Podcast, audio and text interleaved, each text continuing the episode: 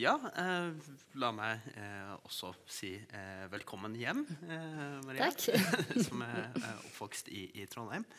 Eh, jeg vil jo også si hjertelig velkommen til, til alle som er kommet hit i dag. Eh, det er jo veldig gledelig at dere har tatt pause både fra julehandel og ikke minst sprinten eh, til å komme og høre om reisen til, til Bretton Woods. Eh, det eh, Jeg har inntrykk av at det er noen her som bruker dette som en slags detox. Eh. Ja, men, men eh, det reiser jo i og for seg også det samme spørsmålet eh, som eh, var det første som ramla inn i mitt hode når jeg fikk eh, denne boka.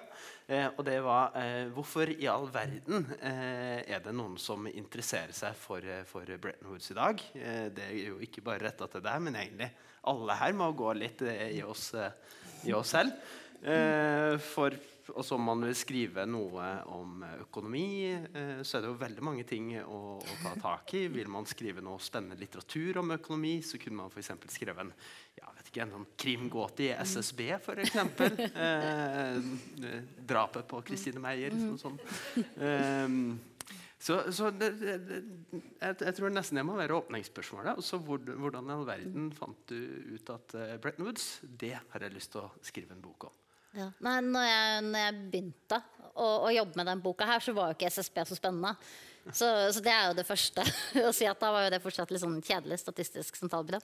Eh, men, men det som først eh, først liksom vekket min nysgjerrighet her, det var jo egentlig situasjonen. En, sånn, en gruppe menn eh, midt ute på Atlanterhavet, i, eh, midt i krigen, altså sommeren 1944. Altså, det er det denne boka da handler om. Det er en gjeng økonomer som legger ut på havet sommeren 1944. Fra, de kjører fra England til USA, og i USA skal de delta på Bretton Woods-konferansen, der Verdensbanken og pengefondet skal bli til, og reglene for verdensøkonomien da legges på nytt.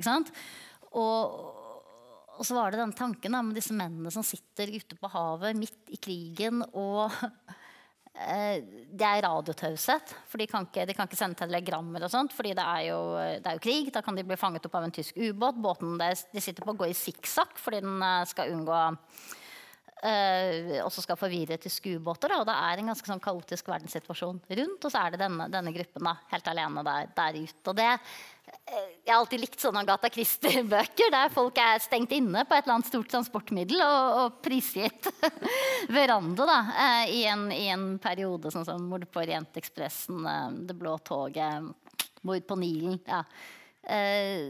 Så det var det som egentlig trigget meg først. Da. Det var denne situasjonen. Hva skjer mellom disse menneskene når de blir tvunget sammen?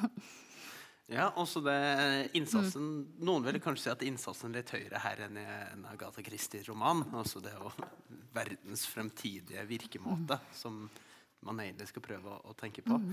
Um, før vi går videre, så vil jeg bare si at uh, um, dersom det er noen som har spørsmål underveis, uh, enten det om uh, paripolitikk og faststandard for, eller gullstandard for uh, valutakurser eller uh, hva som helst. Det er bare å, å rekke opp hånda og spørre. Uh, det er Selv om boka er veldig godt fortalt og lett å henge med på, så er det ikke sikkert alle har har uh, dette helt present. Så bare, bare still spørsmål uh, underveis. Ja, Da ble jeg veldig glad, for jeg har brukt ganske mye tid på å skjønne både parepolitikk og gullstandard. Så det, det, det, det vil hyggelig å få, ja, få sjansen til å brife med deg. Ja. Ja, ja. Så ja, hvor, hvor, mange gram gull skulle en norsk krone være verdt? Uh, ja, hjelpes. 0,4032 gram. Uh, skulle, Under uh, paripolitikken? Ja. nå sporer vi av, da. vi kan jo egentlig gå til å begynne med disse personene mm. som du åpenbart har latt deg fascinere av. Mm. det er jo, som du sier, en gruppe menn, mm. nesten utelukkende, som er stengt inne sammen. Så jeg lurer på om du kan tegne opp litt for oss eh, persongalleriet eh, i boka? Ja, for da kanskje jeg kan ta den passasjerlisten. så, så, sporer jeg ikke helt, uh, helt av. For, uh, for, det er da altså de som, de som, drar ut med Queen Mary som da er, altså Det er mange om bord på denne båten, egentlig. Uh, Queen Mary er verdens største da hun ble bygget på 1930-tallet, så var hun verdens største passasjerskip. Bygget for at britene skulle overta denne eh, vinne da, den prestisjetunge konkurransen om passasjertrafikken over Atlanterhavet. Så det er en sånn luksusdamper. Og da, da andre verdenskrig brøt ut, så omstilte Queen Mary seg. og Så ble hun malt grå, og så ble hun fylt opp, brukt som sånn troppetransportskip da, eh, mellom USA og Storbritannia. Der hun fylte opp eh, Storbritannia med amerikanske soldater til det dagen. Så, så, på denne reisen den andre veien da, så er det både amerikanske soldater på vei hjem på perm, og det er en gjeng tyske krigsfanger fra lang landgangen i Normandie i bunnen av båten bak noe sånn piggtråd. Uh, men så dette er et britisk skip, så det finnes også en førsteklasse bevart. Så altså det er krig, og, og, her har vi da denne delegasjonen til, til, Bretton Woods, som da består av den britiske delegasjonen til Bretton Woods-konferansen uh, og, uh, og, og, en del um, europeere og en kineser da, som, som, er i i Storbritannia under krigen har vært del av eksilregjeringene sine der, som også er utsending som, som representanter for sine, for, for sine, land. Så vi kan jo begynne med nordmannen. Han heter Wilhelm Keiløv. Og han er leder for den bitte lille norske delegasjonen til denne konferansen der reglene for verdensøkonomien etter krigen skal, skal legges. Der man skal da bli enige om faste valutakurser. Man skal lage Verdensbanken, som skal sørge for å gi lån til fattige land. Uh, hvis det er uh, så de kan, eh, de kan, utvikle økonomien sin. Man skal lage pengefondet som skal sørge for uh, både å, styr, altså alle, uh, opprettholde dette regimet, da, alle land har en fast verdi på valutaen sin, men også gi, gi lån til land i akutt økonomisk krise. Keiløv er professor i økonomi. Det er ingen som vet det, det av kollegaene hans i London. Han har også forfatta to sånne underholdningsromaner i mellomkrigstiden som solgte veldig godt, og, og et skuespill som heter 'The Comedy of Evil', uh, som han skrev under, under krigen. Og, men, og han, han, og han, er en sånn fyr som handler i konflikt med, med de fleste. Han egentlig han, han, reiser, han, han, ligger, Når han reiser fra London, så ligger han i konflikt med både den norske regjeringa og ja, egentlig mange folk. Da han er en skikkelig kranglefant, men også en veldig dyktig tekniker. Så britene har hatt lyst til å ha han med på den turen. Og han mener at uh, dette er en dårlig idé. Både Verdensbanken og pengefondet trenger ikke sånn. Markedene kan ordne opp selv. Uh, og så har du uh, John Maynard Keynes. Han er leder for den britiske delegasjonen. Han er på dette tidspunktet så er han verdens mest kjente økonom. Altså i 1944. Han har um, skrevet i mellomkrigstida skrevet han General Theory, uh, som, stor, som, rett og slett endra litt kursen på økonomihistorien. tror jeg vi kan si, For det er der han, han viste da, hvordan land ikke ville klare å komme seg ut av økonom altså økonomien da, når han havnet i en krise, så ville han ikke nødvendigvis klare å komme seg ut av det på egen hånd. Da kunne, måtte staten, staten, hjelpe til, det vi kaller motkonjunkturpolitikk.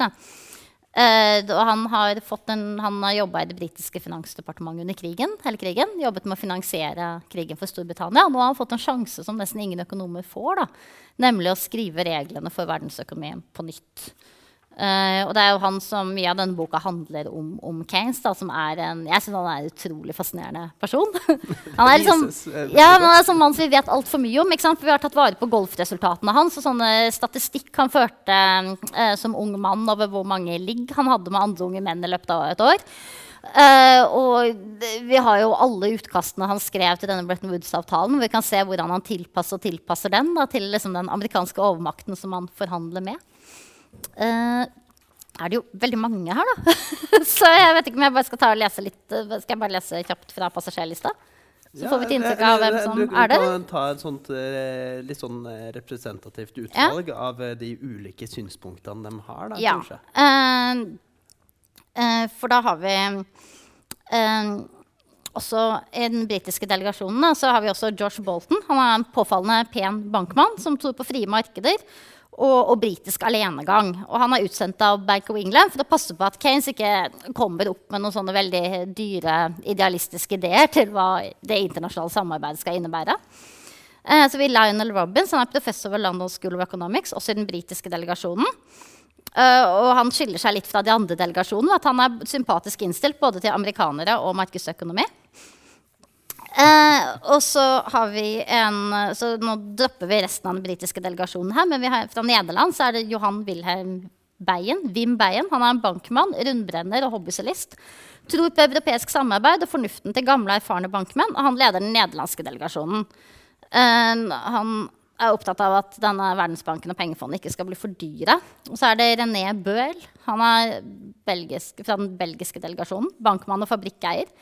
Han er veldig lite, han vil, tror egentlig ikke at Belgia kan ha noe særlig nytte av sånn internasjonalt samarbeid. i det hele tatt. Han, så han er um, skeptisk til både amerikanerne og pengefondet. Og vil helst egentlig ha med britene på økonomisk og militært samarbeid i Europa. Så han bruker liksom denne konferansen da, til å lobbe for, for, det. Og blir jo ganske kontant avvist av en av britene, som mener at en sånn tanke på et sånt stort europeisk samarbeid det viser egentlig bare hvilken åndelig svekkelse europeerne lider av etter to verdenskriger. Uh, det er et syn som har vedvart i Storbritannia. Uh, uh, India, der har kommet der Jeremy Reisman. Er leder for den indiske delegasjonen. Han er jo en kar fra Leeds, da. så for han som da, Hvis oppgave da, i stor grad virker som han selv forstår det, om å holde liksom, orden på det de kaller hindudelegasjonen, som er inderne i den indiske delegasjonen. Um, og så er det en Ja, uh, vi hoppet over kineserne og polakkene, tsjekkoslovakerne. Uh, men fra Hellas så, så, kommer det en kar som er veldig positivt innstilt til, til dette. Det er Kyriakos Varvaressos. Han er gresk finansminister og professor i økonomi. Uh, han taler de okkuperte, ødelagte og forgjeldede landene sin sak i Bretton Woods. Uh, og skal senere for, forsøke Og han uh, er underholdende, men i bunn og grunn en bløff, ifølge medpassasjeren Lionel Robins. Som hver gang han, han er, var Ressos, reiser seg, så får Robins lyst til å gjøre det vanskeligere å få lån fra pengefondet og Verdensbanken. Ja. Så det, det, er noen av, noen av, karakterene. Ja, det er jo en eh, ganske brokete eh, forsamling, da, eh, med, med, mange mm. ulike synspunkter. Ja, innenfor liksom, grensen av hvor brokete kan en gjeng liksom, økonomer og, og, og, og jurister, hvite menn fra øvre, til, eh, øvre, middelklasse til lavere adelskap være. ja. ja. Så, eh, ja, det er som partiet Venstre, kanskje. det, det. Eh, Uh, ja, uh, men uh, en ting som alle sammen har med seg i bagasjen, på tross av at de har veldig ulik bakgrunn, mange ulike nasjonaliteter, er jo denne erfaringa fra første verdenskrig, mm. sammenbruddet etter første verdenskrig, og ikke minst hvordan verdensøkonomien hadde fungert før 1914. Eh, mm. Så jeg lurer på om du kan si litt sånn om hva er, hva er utgangspunktet deres, eller sånn bildet deres av en idealtilstand? For hvordan, hvordan verden skal fungere. Ja, for, der, ja, for der, der, det skiller de seg jo litt. Og, og, det er jo noe av det som blir utfordringen når de skal enes om en ny, eh, en ny nye regler for verdensøkonomien. Når var det egentlig bra?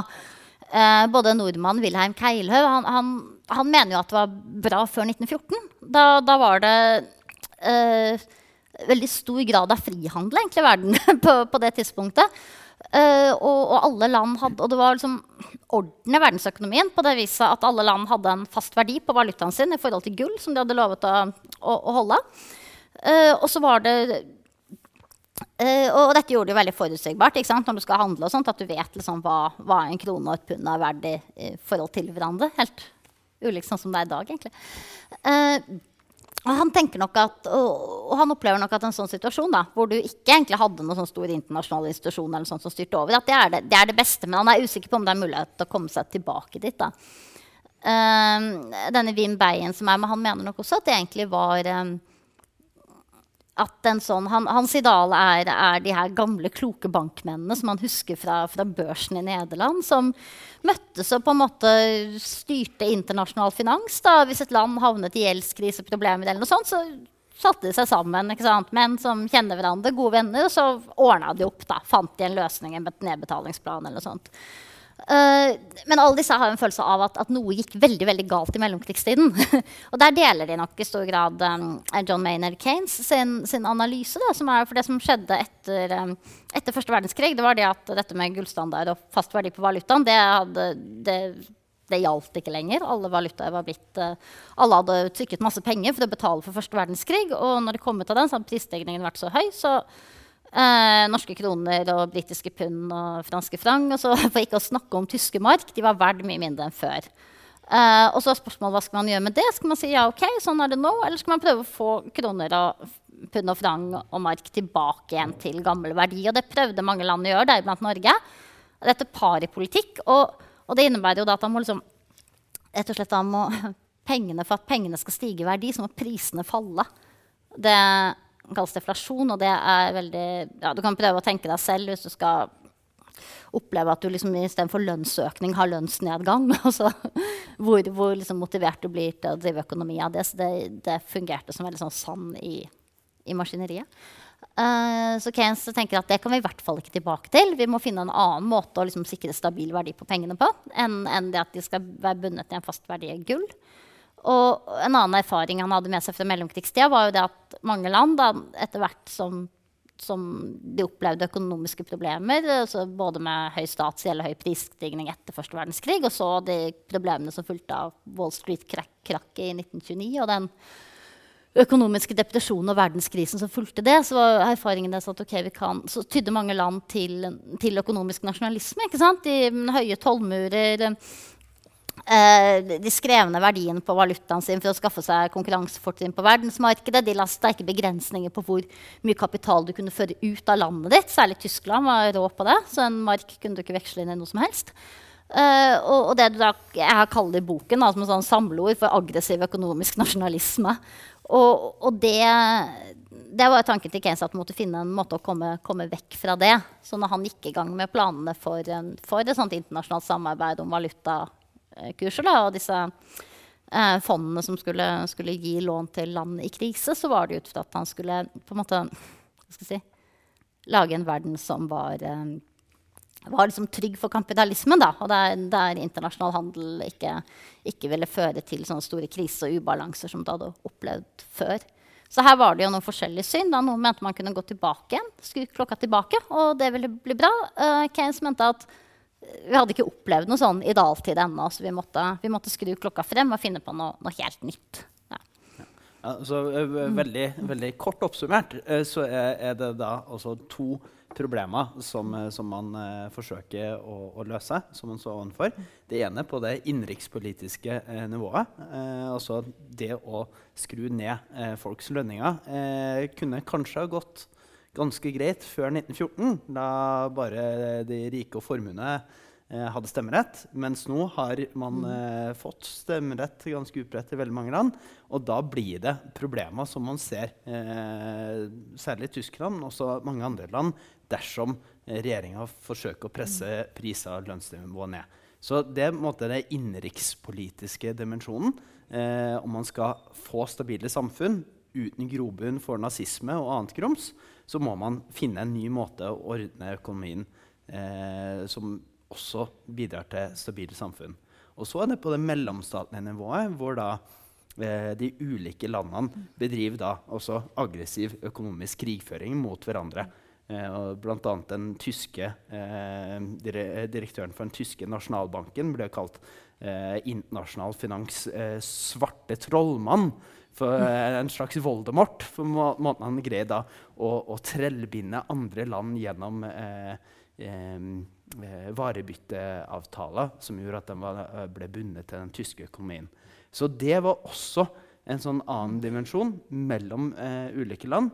Man måtte ha et nytt system hvor det ikke da bare ble tollmurer og, og handelskrig, eh, for et godt ord. og med det i bagasjen så går jo disse mannfolkene og uh, deres kvinnelige sekretærer Koner, ja. Uh, ja uh, om, om bord uh, på, på, dette skipet. og det, du er jo også veldig opptatt av dette, dette, skipet, ja. mer, merker vi jo.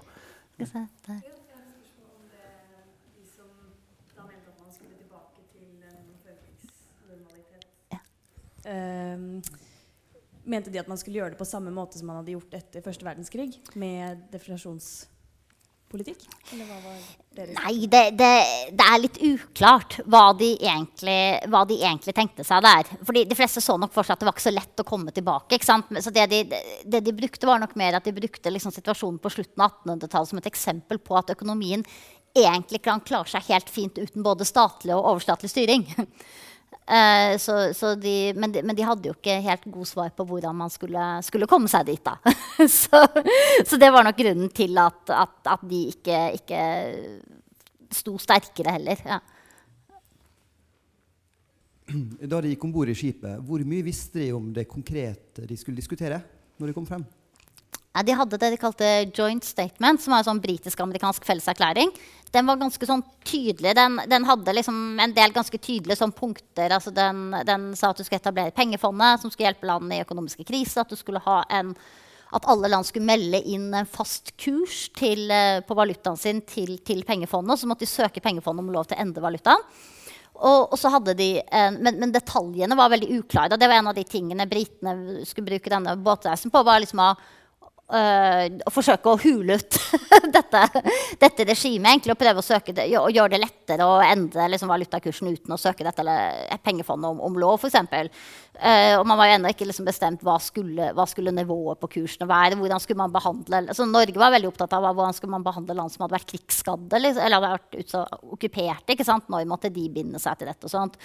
Eh, og hva skulle betingelsene være for å få nødlån fra pengefondet? Eksempel? det hadde en kjempeullen formulering som sa at man ikke skulle liksom kunne som betingelse for lån da, så kunne man ikke blande seg i et lands political policies.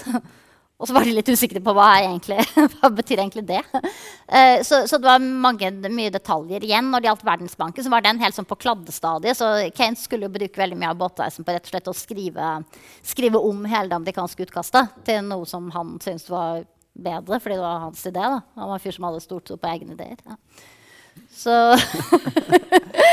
eh, så, så, så, det skjedde ganske mye da, om bord på Queen Mary. Men, men, men, de var liksom enige om noen sånne eh, de var for Det de visste ganske mye om, var det at mange av de opprinnelige britiske forslagene, som at du skulle etablere en verdensvaluta, det hadde amerikanerne satt foten ned på i de forhandlingene som hadde liksom foregått over Atlanterhavet tidligere. da, Så det ble det ikke noe av.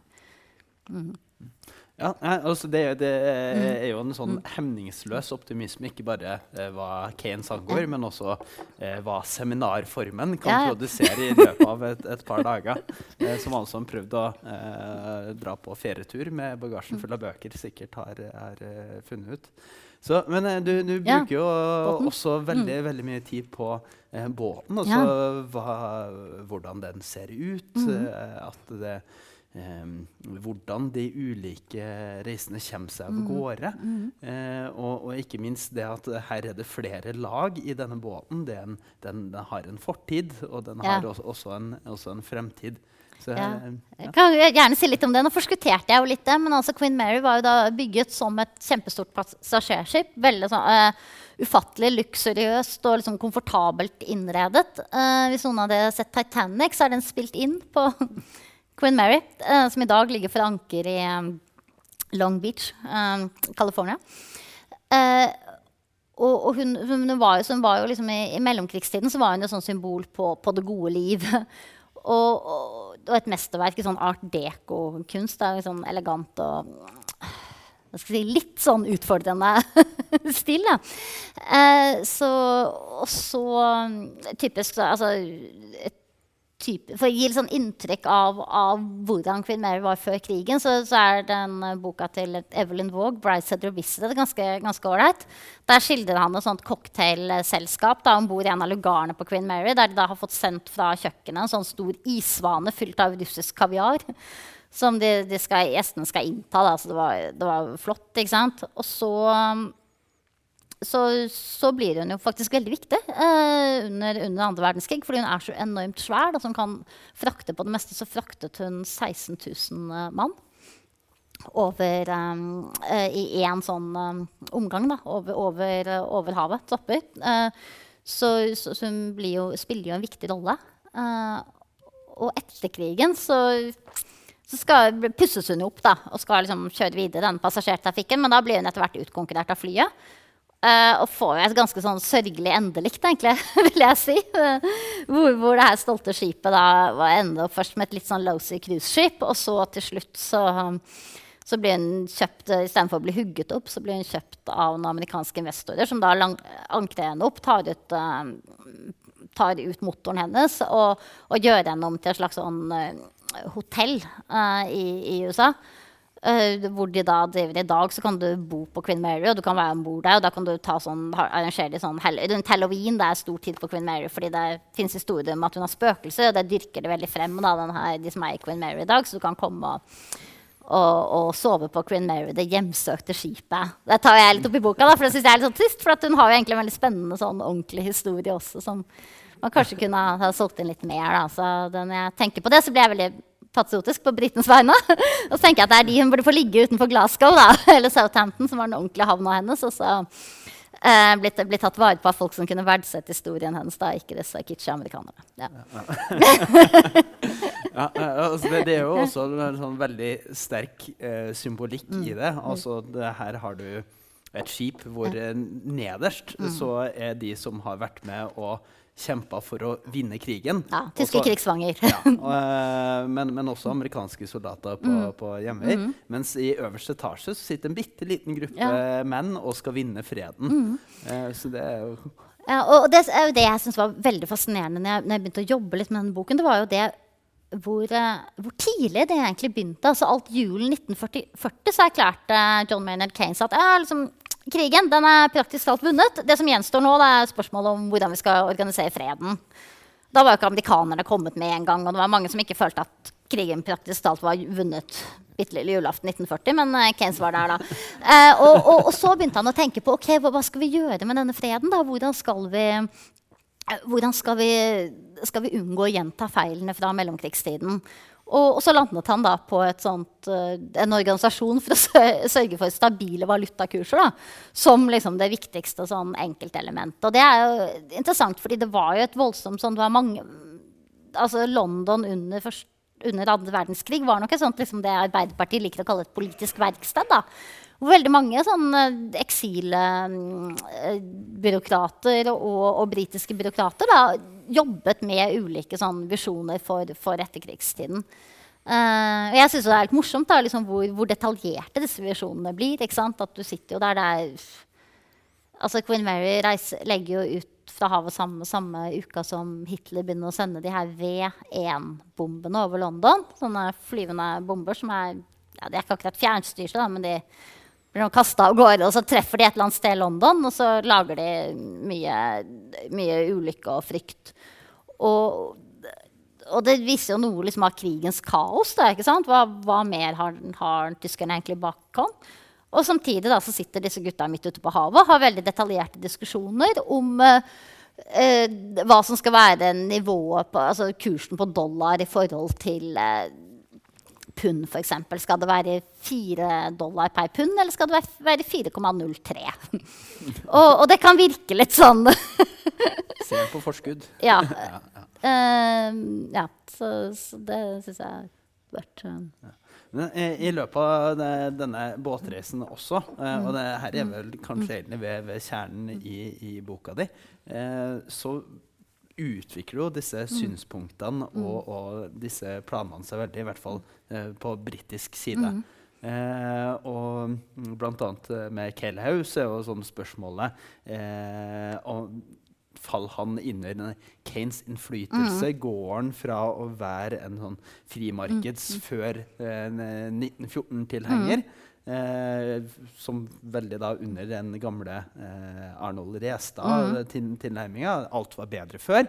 Eh, til å bli sånn fullblods keynesianer. Eh, og ikke, ikke, bare han mm. Eh, opplever vel en da, sånn utvikling i Ja, ja for Keila virker det som opplever en veldig utvikling i løpet av den båtreisen. For når han, et, et, etter Bretton Woods så er jo han blitt en, en skikkelig tilhenger. Han skriver jo en bok, en, en liten sånn pamflett når han kom hjem til Norge. som som er, argumenterer veldig for, for Bretton Woods-avtalen. Og jeg tror mye av det, jeg tror det skjer på båten. Fordi at Vi har notater fra han liksom inntil en uke før hvor han er kritisk. uh, og så går han i land i USA, og da, da syns britene at han er så nyttig at de sørger for at han får bli med til noen, på noen sånne formøter før konferansen i Atlanta. Så han har nok liksom gjort seg uh, der, der, der, der, har det skjedd et eller annet da, som jeg tror er litt det at han En ting er at jeg tror han kommer litt sånn under, under sin innflytelse. At det er vanskelig ikke å bli litt forelska i Keynes.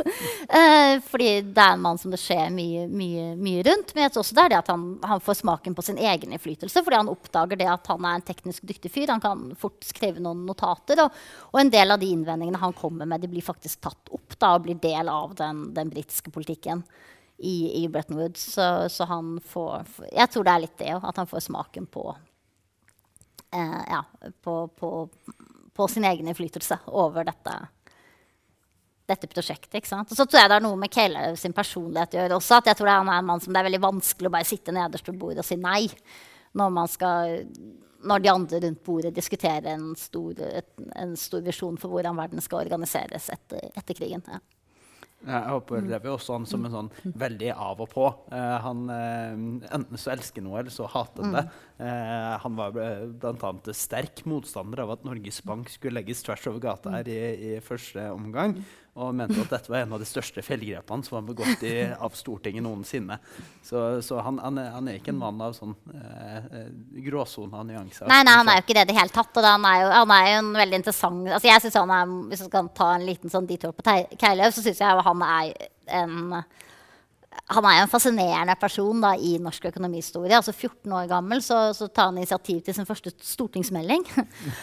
og, og, mange så er det sånn at Hvis du har skrevet et forslag, sendt det til en statsråd, og han lager en stortingsmelding på det, så vil du være fornøyd. Men Keiløv mente at den stortingsmeldinga var skikkelig tannløs, og han gikk rundt og var skuffa. Og, og, sånn liksom fortsetter egentlig livet hans fremover, da, med veldig høye håp som ikke alltid blir, blir innfridd, og en del sånn skuffelser og, og setbacks. da. Hvor, uh, hvor, denne reisen med Queen Mary blir liksom hans, en ny sjanse for han til å spille en avgjørende rolle, gå inn i sin tid. ja. men, uh, men, også, det er jo ikke bare disse personlige meningene som endrer seg, men uh, også det, denne planen. det, det Eh, det er jo utrolig godt gjort. Du har gått inn i eh, eh, noen av disse eh, notatene og sett ja, angående paragraf 4 underartikkel C eh, foreslås endring som alle sier seg enig i. Og, og så grave du ut. Også, hva, hva, det, hva, har skjedd her? Hvorfor, hvorfor, eh, hvorfor forventer jeg meg at nå ut ifra denne ganske litt sånn nøkterne formuleringa, så vil det bli kjempe, kjempeoppstyr. Eh, og det, det, det, er jo eh, et, et, veldig interessant spørsmål. ja, paragraf 4. Ja. Uh, ja. akkurat den paragrafen du, du viser til der, da, jeg, da tenker du på, på, det som egentlig er hele kjernen i liksom, rosinen i Bretton Woods-pølsa, om du vil. da, Som er reglene for faste valutakurser, som sier at du er nødt til å, å søke pengefondet om lov til å endre verdien på valutaen din, som skal skape stabilitet i verden etter andre verdenskrig. Og så har britene funnet ut at ah, Kanskje det kunne være greit å, å, ha et unntak her, sånn at vi kan endre pundet unilateralt likevel. For det har funka godt før. Og så har de bestemt seg på det, og det har de da bestemt seg for å prøve å, å hule denne paragrafen. Og det har de gjort på et møte før de da går med Queen Mary. Så vet jeg at denne Lionel Robins som jeg nevnte, uh, han som likte amerikanere og, og markedsøkonomi, uh, han kommer til å være imot det, så de lot være å invitere han til akkurat dette møtet. Eh, det var jo kjempelurt. Og så, så, han får først vite dette når han er om bord på båten. Og der er han egentlig litt sånn alene. Han har ikke liksom sine, sine nærmeste allierte, så han bare godtar det. Eller man skriver i hvert fall ikke i referatet at det blir sånn. Men Lionel Robbins han gjør noe lurt. Han, han fører dagbok. En dagbok som helt åpenbart er lagt opp til å publiseres etterpå. Så han, får, han er en sånn liksom, 'hva var det jeg sa?'-type. Så, så, denne dagboka handler da mye om hvordan han først forutser hvor utrolig rasende amerikanere vil bli på dette forsøket på å uthule makten til pengefondet. da. Og, og, og etterpå, da, utover denne Bretton Woods-konferansen, hvordan han da feirer hvor utrolig rasende amerikanerne blir. eh, alle skal ha lytta på meg. Så, så, så takket være den dagboken da, så skjønner vi jo litt mer av hva som skjer uh, i dette egentlig veldig tørre referatet. Mm.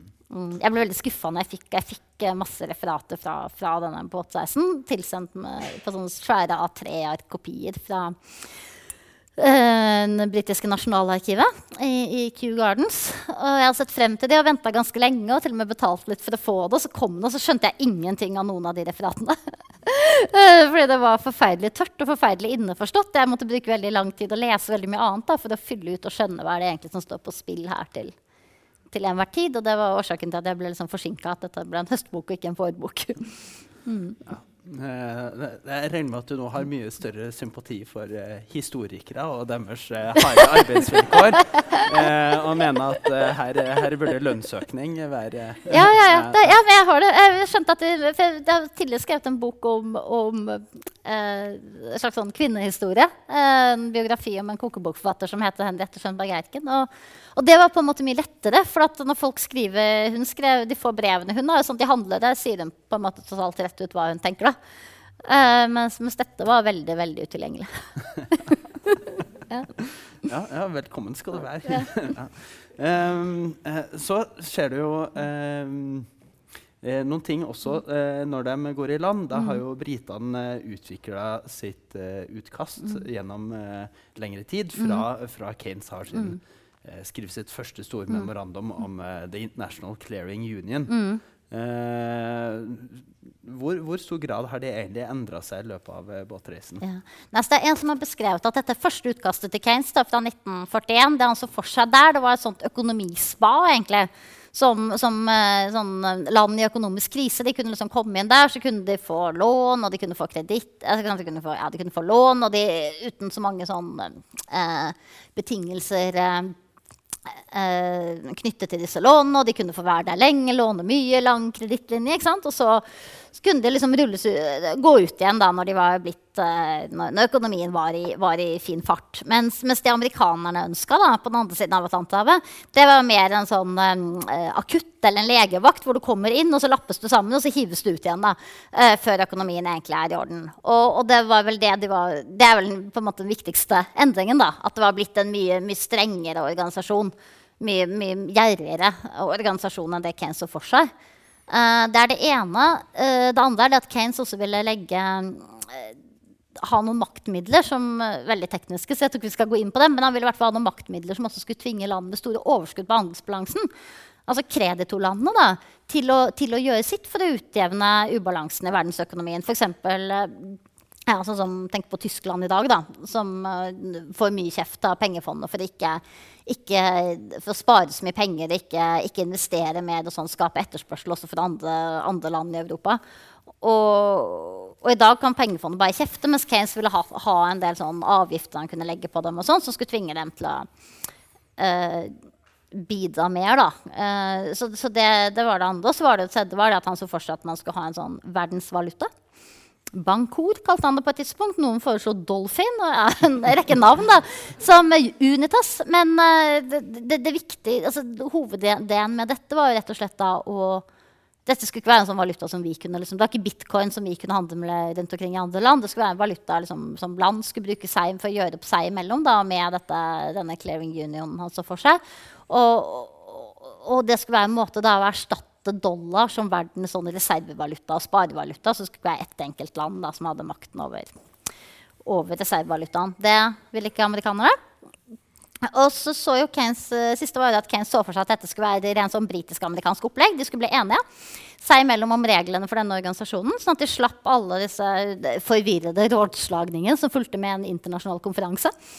Uh, og så kunne andre land melde seg på etter hvert. Da. Men igjen så sa amerikanerne nei. De ville ha stor internasjonal konferanse og, og ha med andre land fra starten. Og da kan man jo da se det på to måter. Da. Enten som at amerikanerne var veldig internasjonalistiske og mente at alle burde få eh, si sin mening, eller at de så at de på en sånn internasjonal konferanse da, ville ha liksom, større sjanse for å eh, banke gjennom det de, det de trodde på. Da. Og at de da gikk fra en sånn to stormakter, Storbritannia og USA, til én supermakt, USA.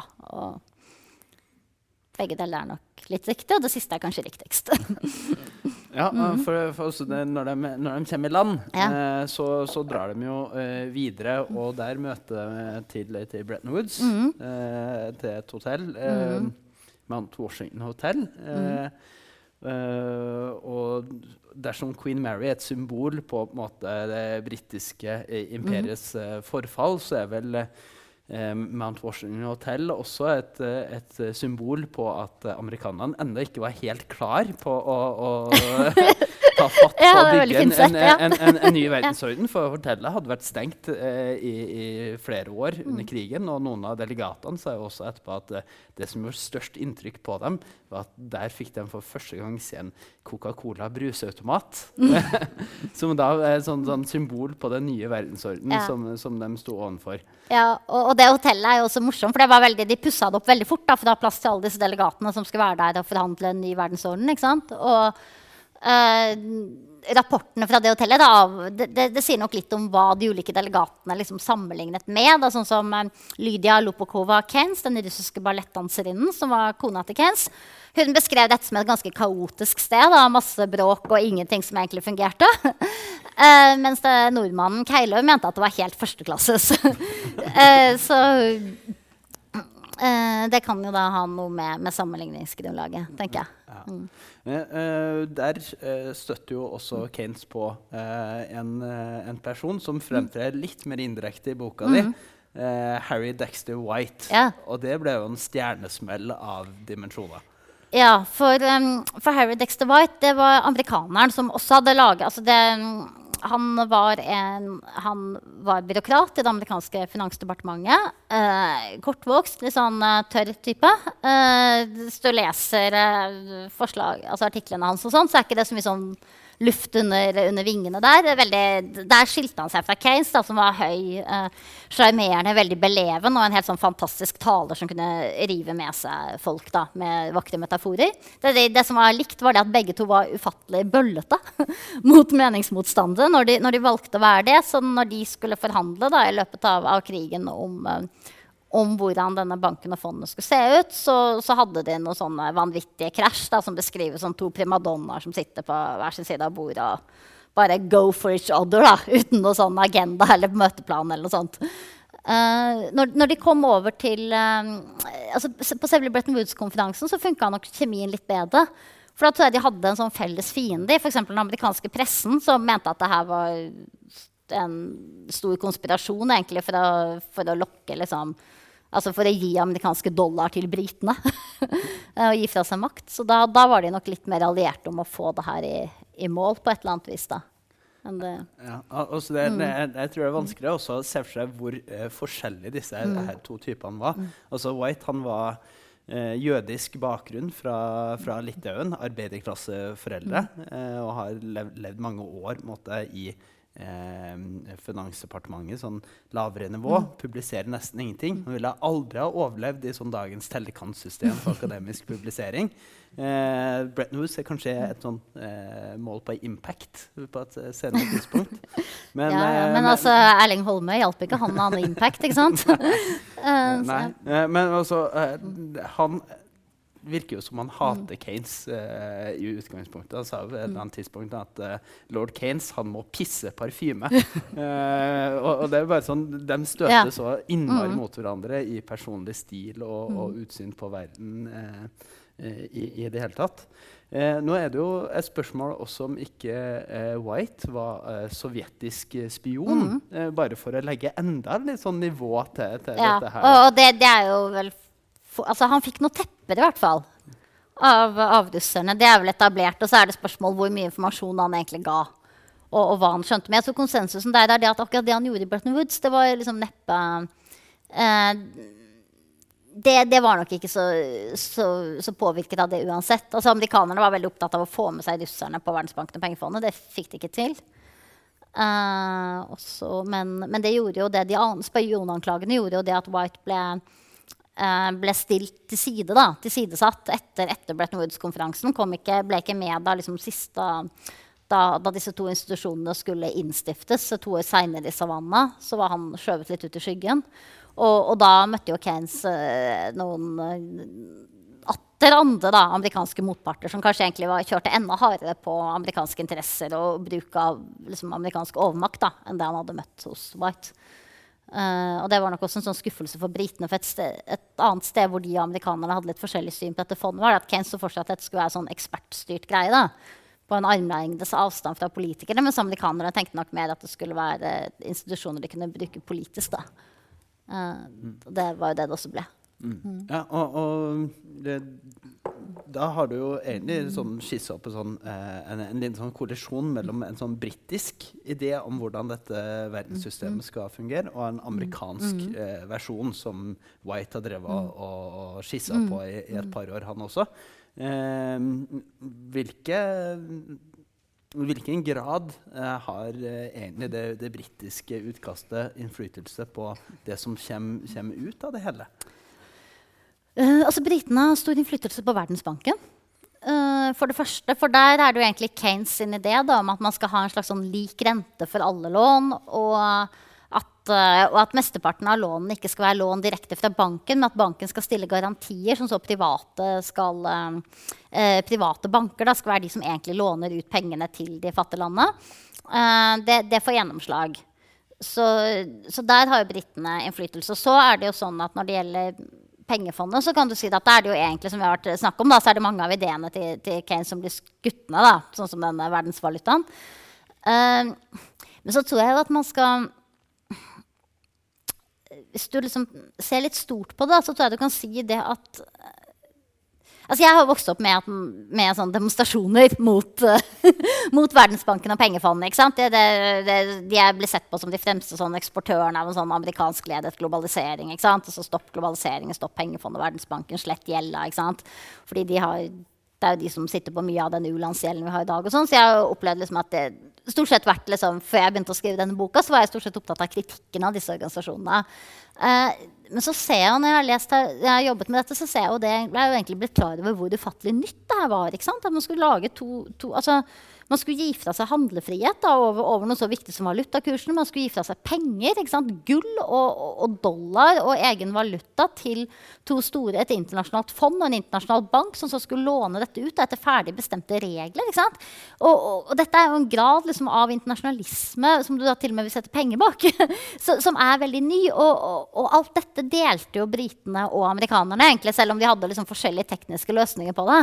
Så delte jo Keynes og, White den her grunnleggende grunnleggende visjonen og den grunnleggende tanken om at du et sånt internasjonalt samarbeid der man ga fra seg handlefrihet og penger, da, men kanskje fikk en bedre og stabil verden til gjengjeld, at det var veien, veien fremover. Og, og da så man må se det sånn at Keynes var veldig viktig fordi det var han som som rett og slett fordi han var så velformulert og, og, så flink til å vinne entusiasme, så var det jo han som i stor grad solgte inn dette etter hvert egentlig både overfor amerikanske medier og, og, og overfor hjemmepublikummet sitt. Og, og, drev dette frem. da. Så, så, sånn sett tror jeg nok det var liksom viktig at det ikke Og, og ikke minst da, overfor de, de europeiske allierte. sånn som Keiløv, da, som han, han, han fikk over. Uh, så, så, sånn sett hadde jo britene innflytelse, selv om det var en Det de ikke så for seg, var jo det hvor uh, der de hadde liten innflytelse, var at disse institusjonene ble liggende i Washington. Amerikanerne hadde vetomakt i begge to. Det visste at de kom til å bruke den ganske skamløst, egentlig. Uh, for er det sånn at land som uh, jeg siterer forskning i boka.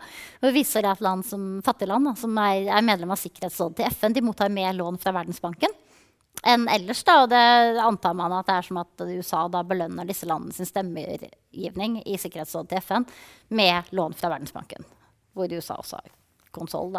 Så eh, ja. Der, der, var det vel kanskje britene kom aller mest til kort. da. Mm. Uh, men eh, nå tror jeg også det, det, det, kan være nyttig at vi eh, eh skiller litt mellom eh, de tingene som kommer ut av, av Bretton ja. Woods. og som, som vi, når vi snakker om Bretton Woods, så er det, så er det litt forskjellige ting. Det ene er kanskje Bretton Woods-systemet. Mm. Eh, med måten verdensøkonomien fungerte på. Mm etter 1945 mm. uh, og, og, og fram til 71. Mm. Og så er det disse Bretton Woods-institusjonene ja. som da er pengefondet Eh, og eh, Verdensbanken. Eh, og det, det, finnes jo de som mener, eh, bl.a. IMFs mm. egen eh, historiker, at eh, så lenge Bretton Woods-systemet mm. fungerte, så var det veldig, veldig liten plass for Bretton Woods-institusjonene. Mm, og, og, det er først sånn på, på, det sene mm. 1970-tallet at de virkelig begynner å gå inn og, og, og bli aktivistisk.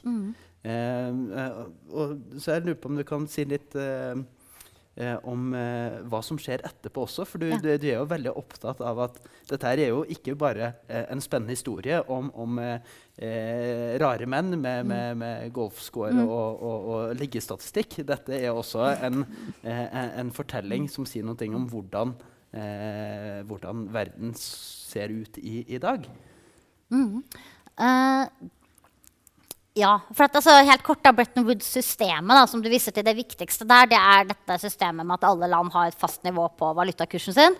Og så, så, er, de, så er, er det igjen bundet til dollar, som har et fast nivå i forhold til gull. Du kan betale 35 dollar, og da eh, plikter den amerikanske sentralbanken da, å løse inn det i en unse gull.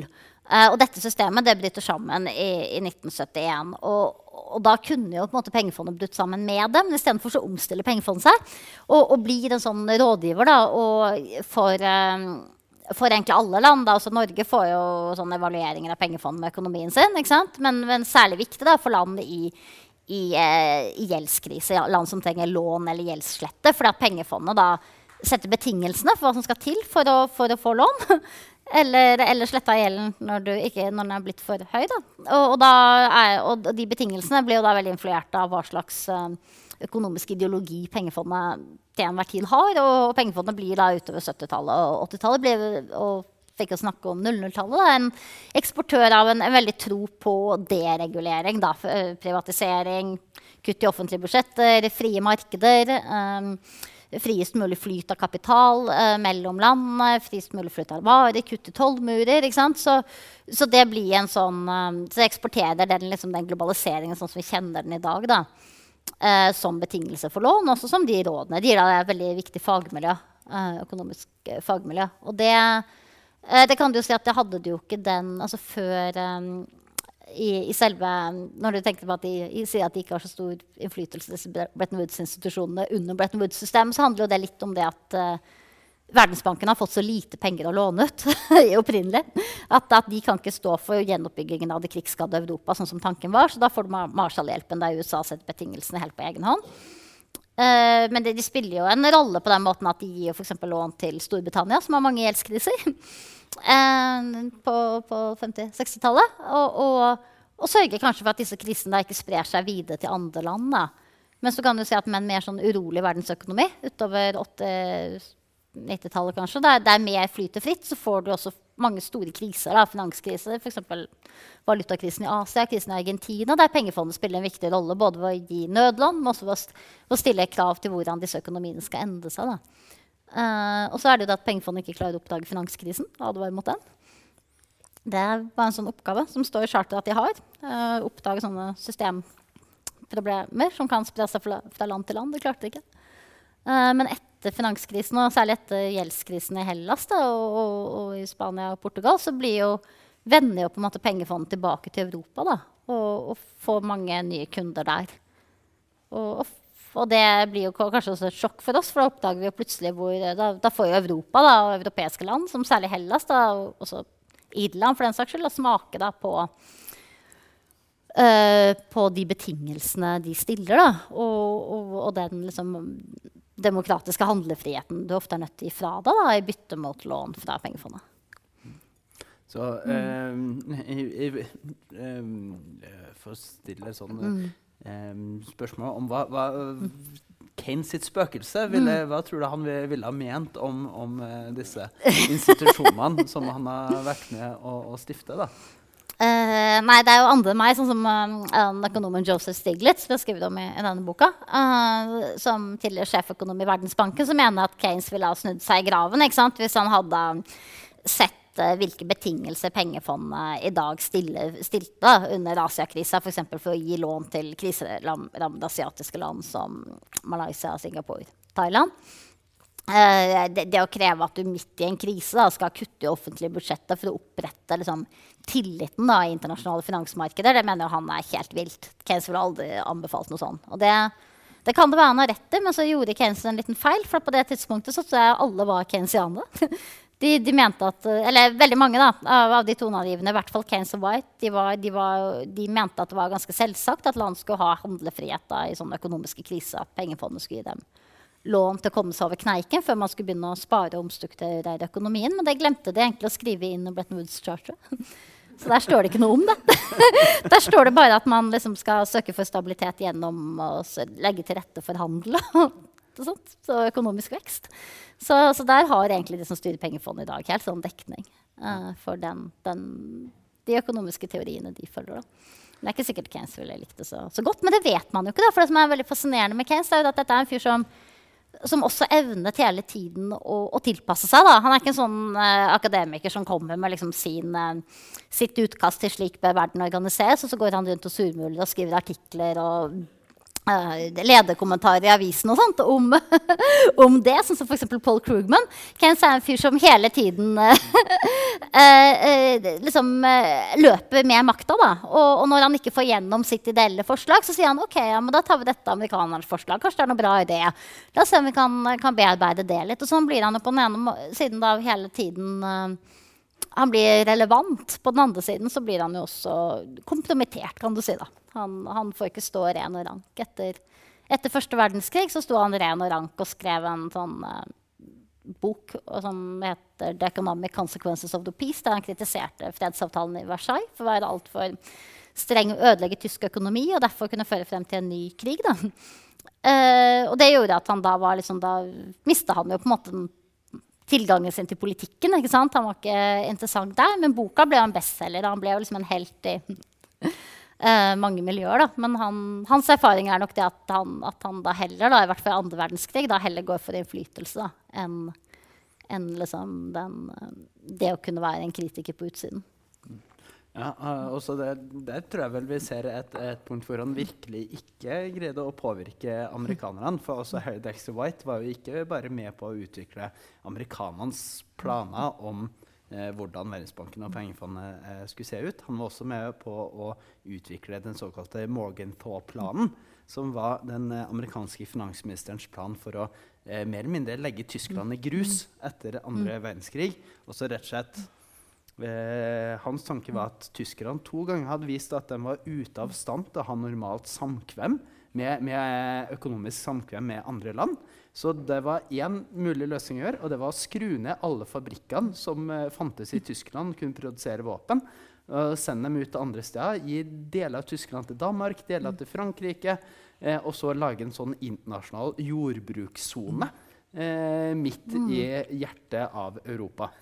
Eh, og, og, det ligger jo da egentlig sånn eh, i bånn for eh, White sin mm. tilnærming eh, til eh, etterkrigstidens Europa. Så han har åpenbart ikke lest og tatt til seg Kane sin vurdering fra første verdenskrig. Så, eh, men det, det, det, lykkes jo da også ikke. ganske åpenbart. og nettopp det Tyskland sin, sin, sin, sin rolle kommer du jo også inn på i, i boka. Altså Tyskland eh, som da reiser seg og blir den store mm. eh, kreditornasjonen. Og problemet det skaper fra, eh, for resten av Europa, rett og slett. Eh, så jeg lurer på om du kan si litt om det, det, det forsøket rett og slett på å eh, disiplinere kreditoren. Vanligvis så er det jo også ja. eh, bare debitoren, mm. den som låner, som eh, blir underlagt pisken. Mm. Ja, nei, Keynes ønska jo egentlig da, at du skulle disiplinere kreditoren også, både med å legge en sånn Altså det var litt sånn teknisk, da, den opprinnelige unionen han laget. Der ville land på en måte ha, eh, ha det, det, det, andre land skyldte dem. Det ville på en måte stå på en slags konto da, i denne clearing unionen. Og, og, da kunne akkurat som at du, Når du har skutt inn penger i banken, så, så, står banken fritt til å låne ut de pengene til andre som trenger det. Selv om det liksom står på din balanse der. Og, og Keynes tenkte seg på samme måte at denne clearing-unionen kunne, kunne, låne ut disse pengene fritt til andre land. Eh, så da ville jo da, da, ville du på en måte da, da ville egentlig land med store sånne overskudd der de ville på en måte liksom tvinges da, uten sin egen vilje egentlig til å låne ut sine penger. da. Eh, så Det var det ene. Det andre var det at de da ikke lenger kunne kreve at land betalte tilbake gull. da, det de skyldte dem. Skulle bare ha disse bankorene, eller dolfinene. Eh, og, og, det tredje var at Keynes også ville legge en sånn avgift da, på land som hadde veldig store sånne overskudd på, på kontoen sin stående i Clearing Unionen. Så de måtte betale en, en, altså en slags om, en motsetning til vi da, som får rente, så måtte de da betale en avgift på, på dette, en sånn formuesskatt. Eh, så, så, alt dette var jo eh, tanker da, på at du var nødt til å disiplinere kreditoren også. Eh, det var USA veldig imot, for de var jo på det tidspunktet verdens største kreditor. På 70-tallet hadde USA begynt å oppleve at da, da var ikke USA noen kreditor lenger. De, de snuste på underskudd på handelsbalansen osv. Og, så og da var det en, en kar i det amerikanske finansdepartementet som kom opp med et uh, et sånt kjempelurt skjema for hvordan amerikanere skulle gjøre det. Som man da fikk vite av liksom eldre kollegaer at ja, dette er genialt. Det var akkurat det Keynes foreslo. Og som vi sa nei til i Bretton Woods. Um, så, så det mens det at pengefondet står helt uten maktmidler overfor kreditorland, da, det, det, er det jo Tyskland som f.eks. tjener på nå mm. I, i, dag. Uh, kanskje Norge. mm. Så, sånn sett kan vi egentlig si at det, det problemet som Kanes også bala med, uh, var det samme som reprodusertes innad i, i eurosonen. Ja. Når man prøvde å, å, finne gode virkemidler for å, å håndtere den.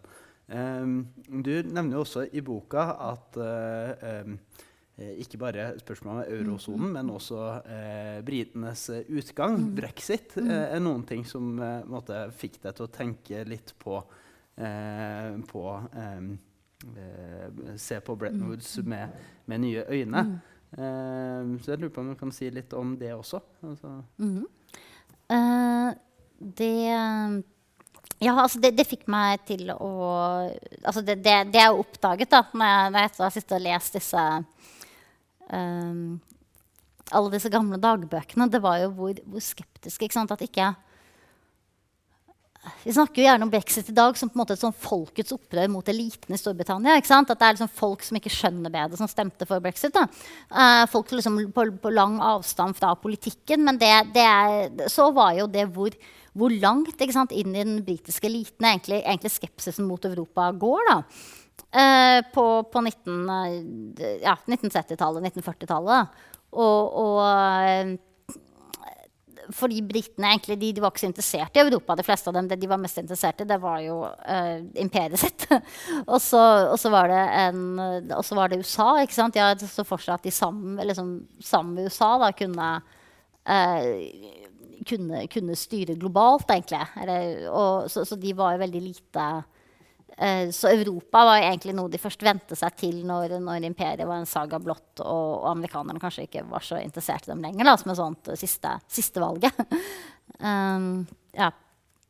ja. Eh, det er jo også en, en litt uh, interessant parallell. At her er det da britene, den gamle stormakten, og USA, den nye stormakten, som mm. da uh, finner sammen og, og, skal lage regler for, for resten av verden. Uh, og, og du, du, har jo også mye fokus på personer mm. i, i, i, boka mm. di. Altså hva uh, personligheten, ideer, mm. innflytelse uh, har å si for, for resultatet. og da, da, kan det jo være litt interessant å se for seg Eh, de som står bak og støtter opp under i 1944, det er på amerikansk side eh, det er Roosevelt. Mm. Britisk side så er det Churchill. Eh, I dag, når britene mm. skal forsøke å finne en plass i verden, eh, så er det Theresa May og på amerikansk side Donald Trump. Og da er spørsmålet også, ja, eh, Hvem har vi størst tillit til at skal finne en, en, en, en god løsning eh, på hvordan verden ser ut? Uh, jeg ville holdt en knapp på uh, Churchill og Roosevelt, kanskje. Um, uh, men det, det, det, er bare, det ja, altså jeg, mener jo, jeg tenker jo at Theresa May er ikke det største problemet med det paret vi har i dag, da. Nei. Men ja, nei, nei, nei, Hun har fått dårlige venner. Ja, ja, jeg trodde bare det var meg som var historiker som mente at alt var bedre før. Men ja, vi har et spørsmål. Mm. Men den åpenbare parallellen er jo ikke Trump og, og May. Er vel mm. og liksom, vår tids imperium mm. som er på vei til å gå under mot en kinesisk dominanse. Mm. Så den båten kanskje ville ha gått en annen plass i dag. Og så er det mm. spørsmålet om de forhandlingene kommer til å foregå i Kina eller i USA. Mm. Eh, og at Trump kanskje mer er et uttrykk for at det har gått dårlig, og at noen andre kommer til å plukke opp ja, altså.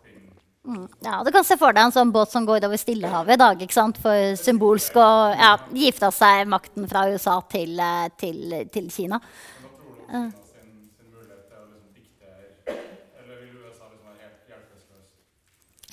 Det spørs om de sender Trump, da, eller om de sender den mest kjente økonomen de har. Paul Krugman eller noe sånt. Ja. Uh, så, så, det er Joseph Stiglitz. Uh, nei, altså Kina har vel ikke um, altså Kina har vel hittil ikke vist den interessen for å spille en sånn supermaktrolle. Men det kunne man kanskje si om USA i 1944 også. De var ikke så ivrige egentlig på å, å bli litt sånn konger i den nye verden. ikke sant? Det er kanskje noe man mer blir tvunget inn i enn en, en, en, rolle man tar. Så det vet jo ikke. Det jeg tenker i dag, er vel at det er, det er vanskelig å se for seg ikke sant? at du kan um, altså den, den Bretton Woods-avtalen ble jo til altså Det var ikke tilfeldig at den ble til under en krig. Hvor, du, hvor USA og, og, Storbritannia drev og, og, frigjorde Europa. Derfor hadde veldig kontroll på hva som på liksom, de, de, de, tving, de, tvinger jo med seg mange av europeerne på dette. Som ikke egentlig er så interessert i det. ikke sant? Og, og de britene hadde jo da India i lomma. ikke sant? Den indiske delegasjonslederen var britisk. Eh, eh, USA. Eh, Kina spilte en, en rolle, var et u-land som kanskje ble lytta litt til da. Eh, men, men, det var ikke så, det var ikke så alt for mange, russerne var ikke så interessert. Ikke det var ikke så altfor mange aktører du skulle samle. da, og og, og pga. krigen så var jo økonomien liksom frosset fast. og Det var ikke så mye som skjedde på børsen heller når denne konferansen pågikk. Mens det da kan du si det er kanskje, kanskje, for mange aktører da, til å få med på en sånn stor ny liksom, omskriving av reglene for, for verdensøkonomien. Um, Uavhengig av, av om det er USA eller Kina som har mest, uh, mest innflytelse. Mm. Ja, nei, altså, det er mye sykt man kan si om Richard Nixon også. Eh, i, og for seg fordi han tok livet av Bretton Woods-systemet.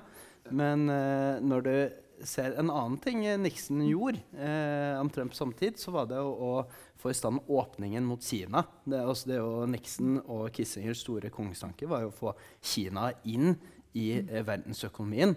Og all den globaliseringa mm. som vi ser med, med, billige produkter og billig arbeidskraft, som har satt sitt preg på de siste 30 årene, er jo i og for seg sånn sett et, et, et eh, resultat av at også Kina har beveget seg inn i dette systemet hvor det er Bretton Woods-institusjonene som styrer og bestemmer hva som er en god latin for hvordan økonomien skal styres, hvordan handel foregår.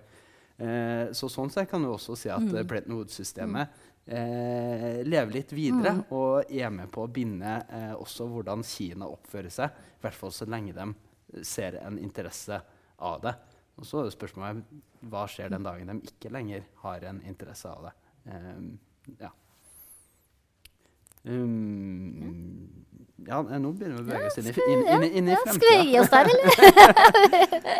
uh, ja, altså uh, Det um, en, en, ting som uh, kanskje også kan si litt, litt mm. om, med mindre det er flere som ønsker fremtidsspådommer om, om mm. verdens økonomiske utvikling, sånn på, på, stående mm. fot, så er det jo også eh, eh, din forfatterstemme. Eh, for det er jo eh, Nå har vi hatt mye prat om paripolitikk mm. og, og, gullvekslingskurs og, og UNSA og dollar osv. Men eh, det er jo en veldig livlig bok, og du har jo en sånn eh, veldig utradisjonell måte å skrive om disse institusjonene på. Jeg tror det er første boka jeg leste om Bretton Woods hvor Donald Duck dukker opp, eh, f.eks. Eh, med, med Verdenslånebanken. Mm. Mm. Eh, og, og når jeg satt og, og skulle lese eh, natteventyr for sønnen min, så leste jeg en gammel Carl Barks-historie der IMF dukker opp Nei. allerede på 50-tallet, hvor uh, i De vise sten, hvor eh, monsieur Bust i hodet eh, er den som da inndrar De vise sten, for han vil hindre inflasjon i verden fra onkel Skrue. Oi, så, ja, dette høres ut som en historie. ja, altså, så, uh, Få med andre plager. Ja, så, så, det er jo institusjoner mm, som har mm, stort mm, populærkulturelt uh, gjennomslag i, i samtida også. Uh, og, og, du jobber jo veldig med å flette inn sånn nåtid, framtid uh, osv. Så, videre. så kan du si litt om hvordan, hvordan du jobber også som, som forfatter?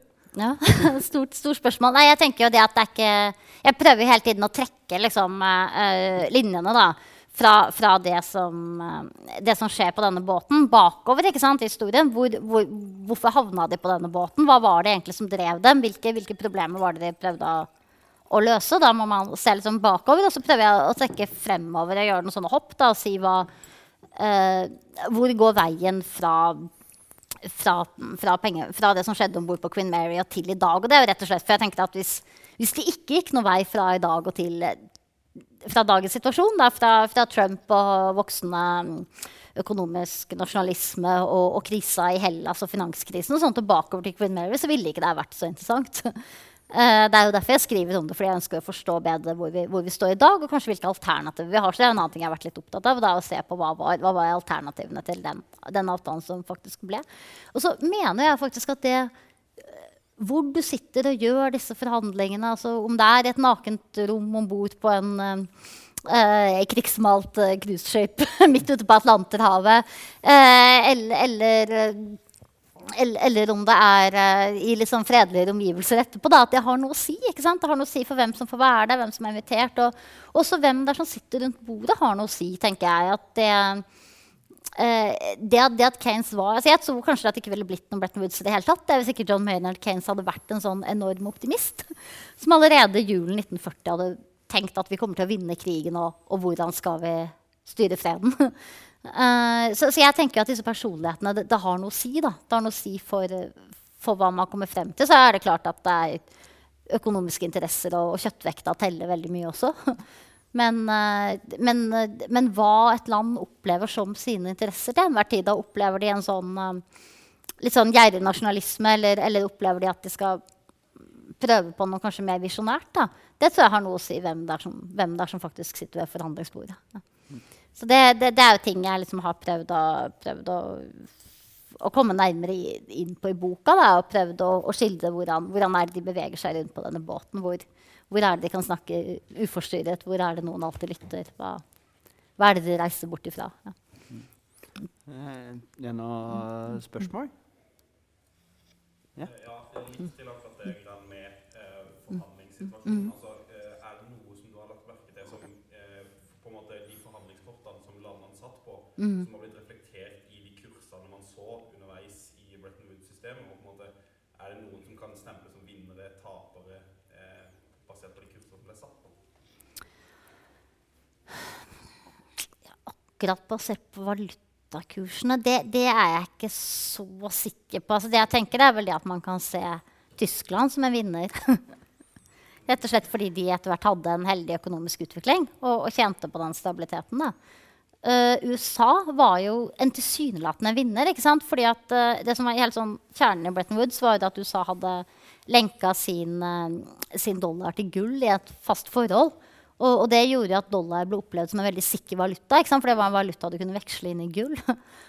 og og det gjorde at USA i, i etterkrigstiden da, kunne, kunne, trykke masse, masse penger, masse dollar, for å betale for alt fra Marshall-hjelp til uh, marinebaser til import til landet.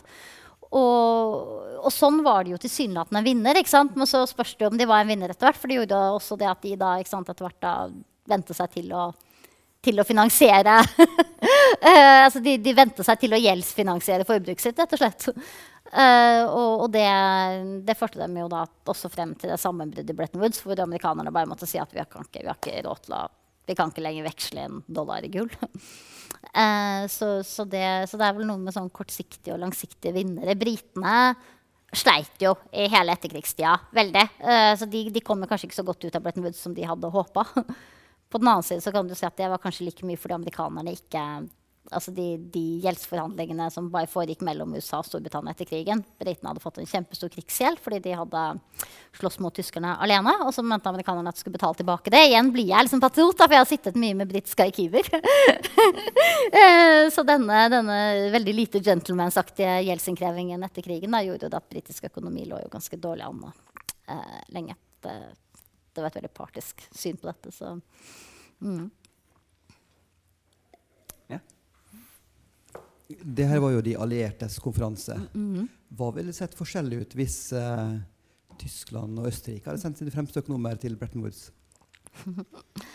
ja, det det er et godt spørsmål. for det, spørs litt hva du tenker på. Hvis du tenker på at, at, at du tenker på liksom den østerske, tysk-østerrikiske økonomiske skolen, da, som er mer opptatt av institusjoner kanskje enn britene, så kan, kanskje ville du fått mer, mer, oppmerksomhet rundt det, rundt hvordan disse institusjonene faktisk fungerte. Kanskje ville noen vært litt mer oppmerksom på en del av de fallgruvene, da, som, som f.eks. dette med eh, hva slags bestingelser man kan stille overfor land, hvem som, eh, hvem som faktisk sitter rundt bordet, hvor mye, hvor mye stemmevekt amerikanerne fikk og sånt ville ha Det, det kan man jo tenke seg. Det andre kan man jo tenke seg at hvis det var liksom, eh, Hvem ville tyskerne ha sendt? da? De ville jo ha sendt noen liksom, fra det tredje riket. Eh, det, hvor, hvor Tyskland på, på, dette tidspunktet var jo Tyskland ikke sant, verdens verste debitor. De var jo helt forferdelige, for de betalte jo ikke tilbake gjelda si. De, de, de, bare satt oppå de landene som um, De bare utnyttet all den makten de hadde i Europa, sånn som du var inne på, da, til liksom å, å, tvinge andre land til å, til å la være å eh, til, til, til, dem gjeldsutsettelse. Da. De var på en måte blitt sånn, I mellomkrigstida ble Tyskland litt sånn too big to fail. Uh, så, så, da vil, kan man jo tenke seg at Tyskland ville ha kjempet for, for interessene til, til, land som skylder mye penger. uh, og da er det kanskje Hellas i dag som ville ha tjent på det, ikke den tyske økonomien. så det er jo noe av det jeg syns er litt sånn spennende også, er at man ser hvordan land uh, I dag så tenker vi veldig på, på, Tyskland som et ansvarlig økonomisk land. ikke sant? Og så den gangen så ble det jo sett på som noe, noe helt annet. Ja. Den tyske sentralbanksjefen i 1920-tallet ble jo kalt verdens verste sentralbanksjef noensinne. Eh, Kane, ja. Keynes ble jo kalt verdens verste møteleder i, i Bretton Woods. det er ikke så ille, men ja. Ja. Eh, flere, flere spørsmål?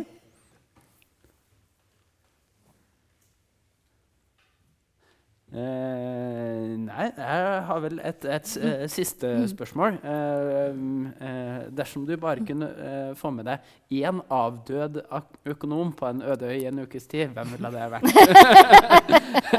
svaret er vel ganske gitt. Ja, nå er, vel, nå er vel, svaret veldig, veldig åpenbart, er det ikke det? Lionel Robins?